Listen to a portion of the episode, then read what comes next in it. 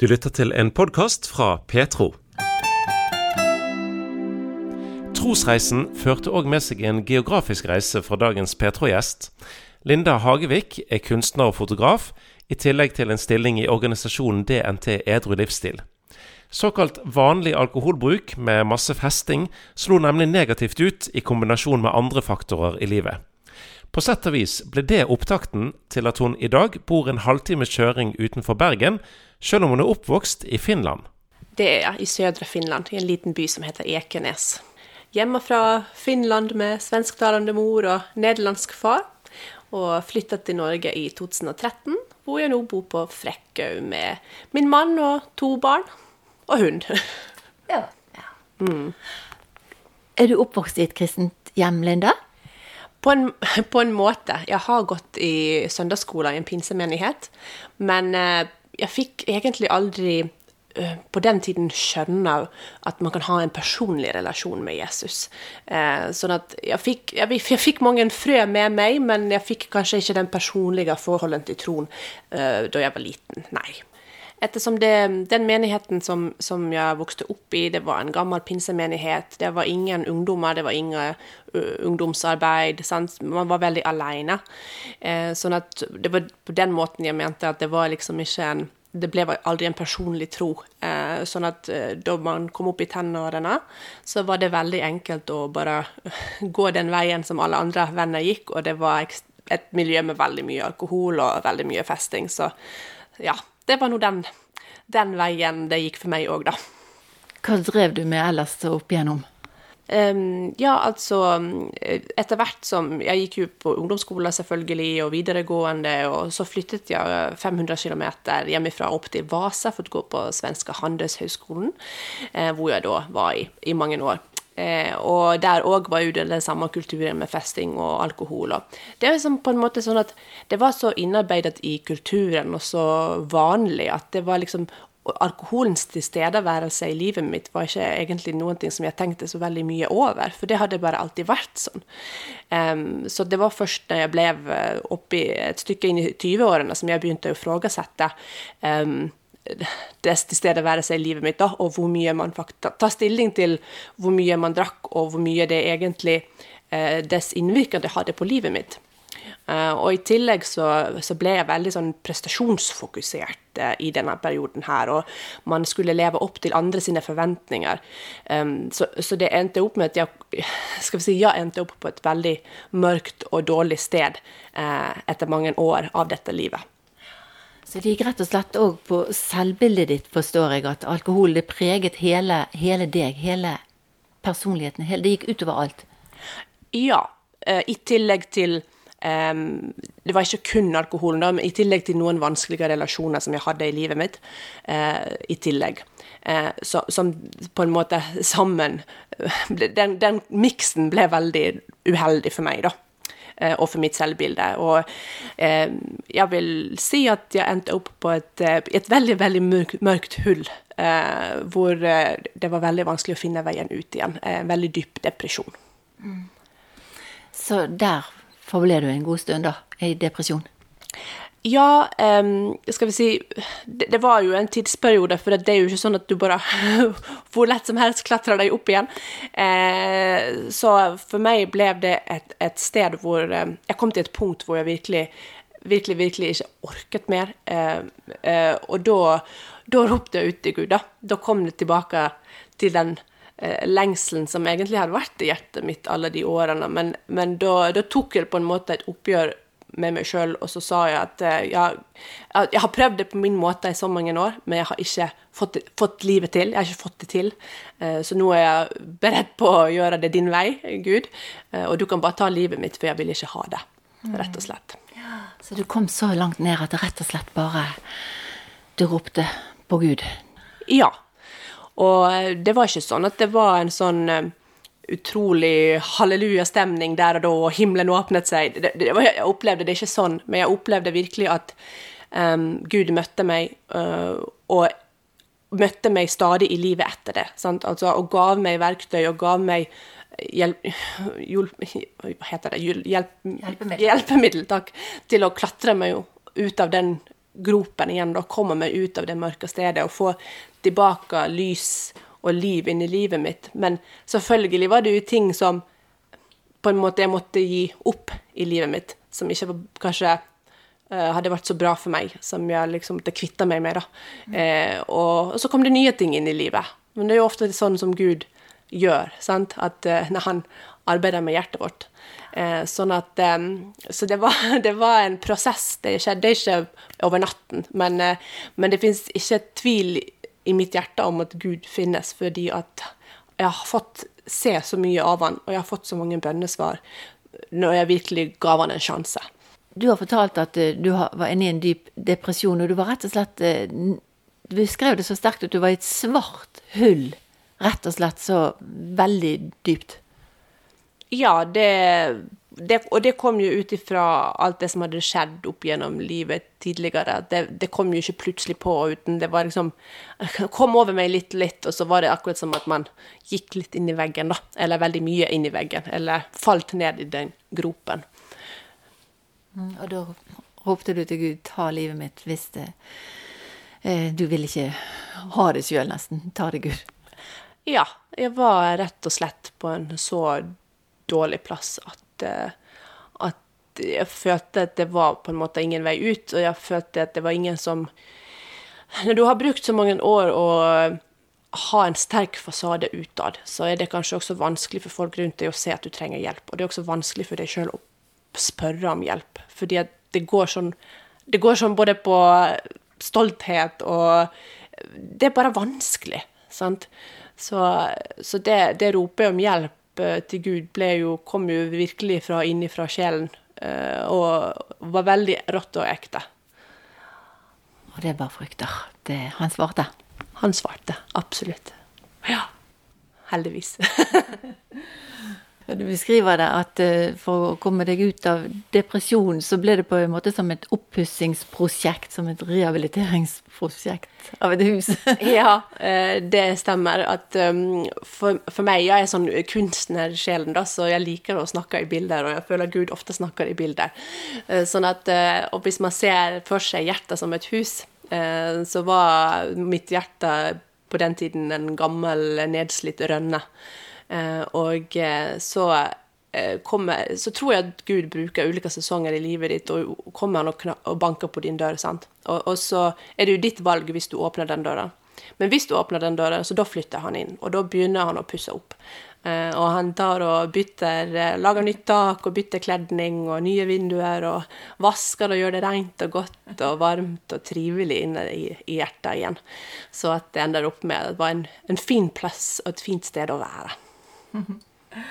Så rehabiliteringen, den, den gikk greit, og du sitter her og stråler nå og Ja, ja det, det, gikk nå greit. Det var nå en tøff prosess, det skal ikke legge skjula i det hele tatt. Det var jo selvfølgelig Det kan være en vond prosess òg, akkurat for, for, å gå tilbake til, til, det som jeg sa eh, tidligere, at, at uh, det kan være ting i livet som du kanskje må kvitte deg med, eller vaner som du har som, du har, som ikke er bra for deg, som Gud pirker borti. Uh, det, det, er ikke bare lett og det kan være mange sår. Sant? For meg, Jeg hadde mange sår av ting som var gjort mot meg i, i livet. Og, og, også jeg har gjort mot meg selv, eller dumme valg man har tatt. Sant? Og ting som man må på en måte prosessere og komme seg igjennom. Og, og selvfølgelig kan det være en vond prosess, men du, det blir veldig godt etterpå. ja. Så det var bedre enn festingen og alt det som du hadde vært med på, selv om du forstår det sånn at du aldri var noe rusavhengig eller noe sånt, men det som hadde preget livet ditt og tatt tanker og gjerne styrt mer enn man kan si klar over, så ble det en helt annen liv med Jesus. Ja da, absolutt. Eh, og eh, som sagt, altså, det var jo veldig mange vennskaper jeg har gjort på den tiden som jeg aldri ville vært foruten, men jeg hadde ønsket at jeg kunne ha gjort gjort det på en annen måte, altså med mindre alkohol eller, eller uh, sant, tatt noen annerledes valg enn, en det jeg gjorde. Gud hadde planer for deg videre, mm. Linda. Du uh, havnet etter hvert på et møte, så du ikke pleide å gå på en menighet. Du hadde ikke vært der vel på 15 år, og så skjer det ting? Ja, uh, jeg hadde vært på Ungdom i oppdrag og kommet hjem fra den Det er jo sånn volontær- og misjonsarbeid utlandet. Eh, og så kom jeg hjem eh, og var veldig Følte veldig da at jeg skulle eh, søke meg et år til på bibelskolen, for ja, jeg følte meg kalt i det, da, for å få litt mer kjøtt på beina. Og så var det en dag som jeg igjen følte veldig sterkt at Gud sa at jeg skulle gå til en viss menighet en, en viss dag eh, som jeg ikke hadde vært til, som du sa, på 15 år. Og, og der var det da et, en, et team fra en bibelskole i Bergen som var på studietur, og de hadde det møtet i den menigheten den dagen. Eh, og der var jo da også mannen min, hvilket jeg ikke visste da.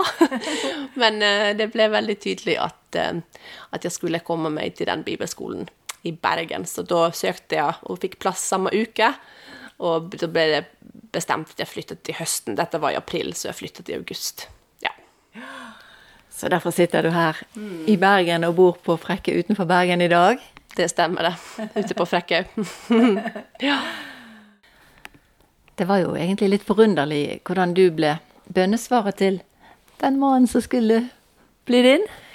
Ja, eh, for Thomas han har jo en historie i russ. Han kom seg litt ut på kjøret i ung alder, og litt lenger ut på kjøret enn meg, da, for å si det sånn. Eh, så han fikk jo hjelp også i tidlig, tidlig 20-årene på et eh, kristent rehabiliteringssenter eh, for å komme seg ut av det. Og det har gått veldig bra med han, heldigvis. Eh, men det som eh, eh, han hadde et stort ønske om, var jo å finne seg en kjæreste og forhåpentligvis kone som, som ikke drakk. og da hadde jeg jo tatt den beslutningen en måned cirka før vi traff hverandre om å, å, slutte å drikke. Så da trengte jo ikke han å ta den, eh, det vanskelige spørsmålet, da, eller eh, skal vi si um, Det kan jo være litt sånn uh, Kanskje man kan kalle det ubehagelig at, at spørre noen du liker veldig godt at Hei, kan du la være å drikke hvis vi skal være sammen? Det, så da var det jo ferdig skal vi si, Beslutningen var allerede tatt, og det var jo veldig godt. ja, så du gift, dere giftet dere, og uh, bønnesvaret, du ble hans bønnesvarer, dere giftet dere i Spania? Ja, han var vel mitt bønnesvar òg, for, for, å si det sånn. Det var, det var vel begge veier, heldigvis.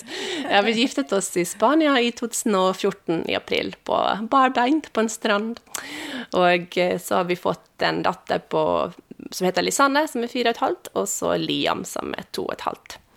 Eh, så vi er veldig, rikt velsignet, eh, det er vi. Så Gud har vært veldig god, virkelig. Mm. Lina, før det møtet i den menigheten, så hadde du en drøm. Ja. To dager før, uh, før det møtet så uh, hadde jeg en drøm om at jeg var på et tog. Og det toget, det, det reiste langt, og jeg visste ikke hvor jeg skulle. Og vi var gjennom flere ulike stopp og ja. Men det, i drømmen så endte jeg opp i Norge. Og det var jo, det var jo litt spesielt, da. Eh, et, med tanke på sen, det møtet som, som, var i den menigheten eh, to dager etterpå, og hele det norske teamet som var der, og at jeg, jeg Ja, jeg, jeg føler virkelig at Gud har vært veldig tydelig med meg om at, uh, hvor jeg skulle, og at jeg føler at jeg er på rett plass. Og jeg trives veldig godt i Norge. Så du ante du jo ingenting om at du skulle treffe den fremtidige ektemannen din der, og ingenting, og så drømmer du det natten før? Ja. Det er faktisk veldig Det er veldig gudfeldig, da.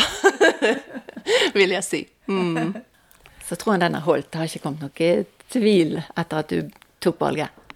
Ingen tvil i det hele tatt. Det den, den, er levende og varm. så det er nok uh, å få Å få leve et liv med Gud er et veldig rikt liv. Og det er et veldig godt og trygt liv. Mm. Som jeg nok aldri kommer å gi slipp på. Er det spesielle bibelvers som har betydd mye for deg, Linda? Ja, det, hadde, det, har vi jo flere av, men nå må jeg tenke litt. Um, jeg liker veldig godt um, for eksempel Filipp Filippe-brevet, det 5-7, der det står at eh, Gled deg i Herren alltid, Eh, og at eh, du, Nå har jeg den på svensk i hodet, skjønner du. du kan be til Han om alt. Eh, og at han skal be, bevare oss bevare oss i, i, sitt hjerte i Jesus Kristus, og bevare våre tanker. Og, ja, det var nå ikke korrekt sitert, men du skjønner hvilken jeg mener. Ja, men ellers, hva brenner du for ellers? Eh, forstår du jo sånn at du er en veldig kreativ sjel, og du er en kunstner, og du vil litt av hvert. Ja, jeg har òg eh, min egen bedrift, så jeg er faktisk fotograf og kunstner, så, som heter Hagevik Homes. Eh, så jeg tar mye bilder på nyfødte babyer og familier og bryllup. Det er fantastisk å fange det vakre i mennesket som er skapt. Det, det, det, er virkelig en person.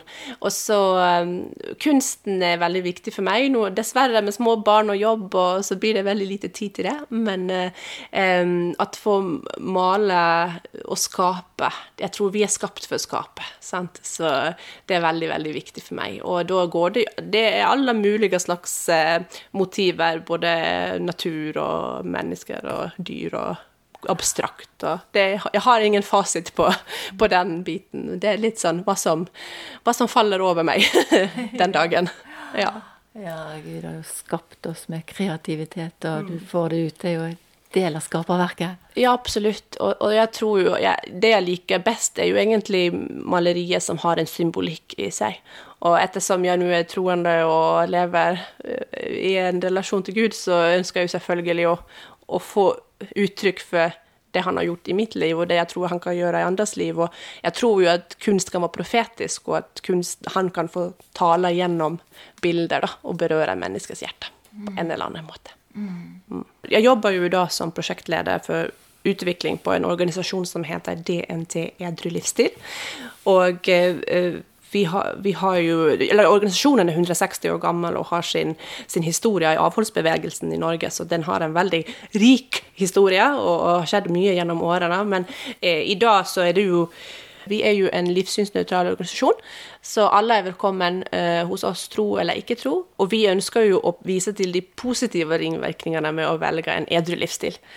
Og eh, ønsker vi jo selvfølgelig å jobbe for et mer rusfritt Norge, og, og at kunne snakke om disse ringvirkningene som alkoholen og rusen virkelig har på samfunnet vårt. For eh, det er jo, vi, kommer, altså, vi kommer jo ikke vekk ifra at det er mange negative eh, ting som skjer pga. alkoholen og rusen. Og det som jeg ønsker å poengtere, er liksom at eh, hvor, hvor, dypt det er inn i vår kultur og inn i vår identitet. Og, ja, for det ligger så, det ligger så dypt eh, i oss og rundt oss at, at, det er litt på derfor jeg ønsker å snakke om det. sant? At eh, Vi vet jo om det, men samtidig må vi kunne snakke om de negative sidene òg.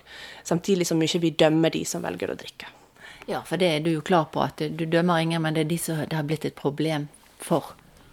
Ja da, eh, og samfunnet generelt. Jeg tenker f.eks. på de 90 000 barn i Norge i dag som, som lever i hjem med, eller vokser opp i hjem med, med, eh, rusmisbruk på et eller annet nivå. Det er veldig mye, og der er store mørketall. Sant? Så jeg ønsker å kunne få en stemme for de stemmeløse, og, og, at vi skal kunne å, å ha denne diskusjonen i samfunnet, og kanskje faktisk hjelpe noen på veien òg.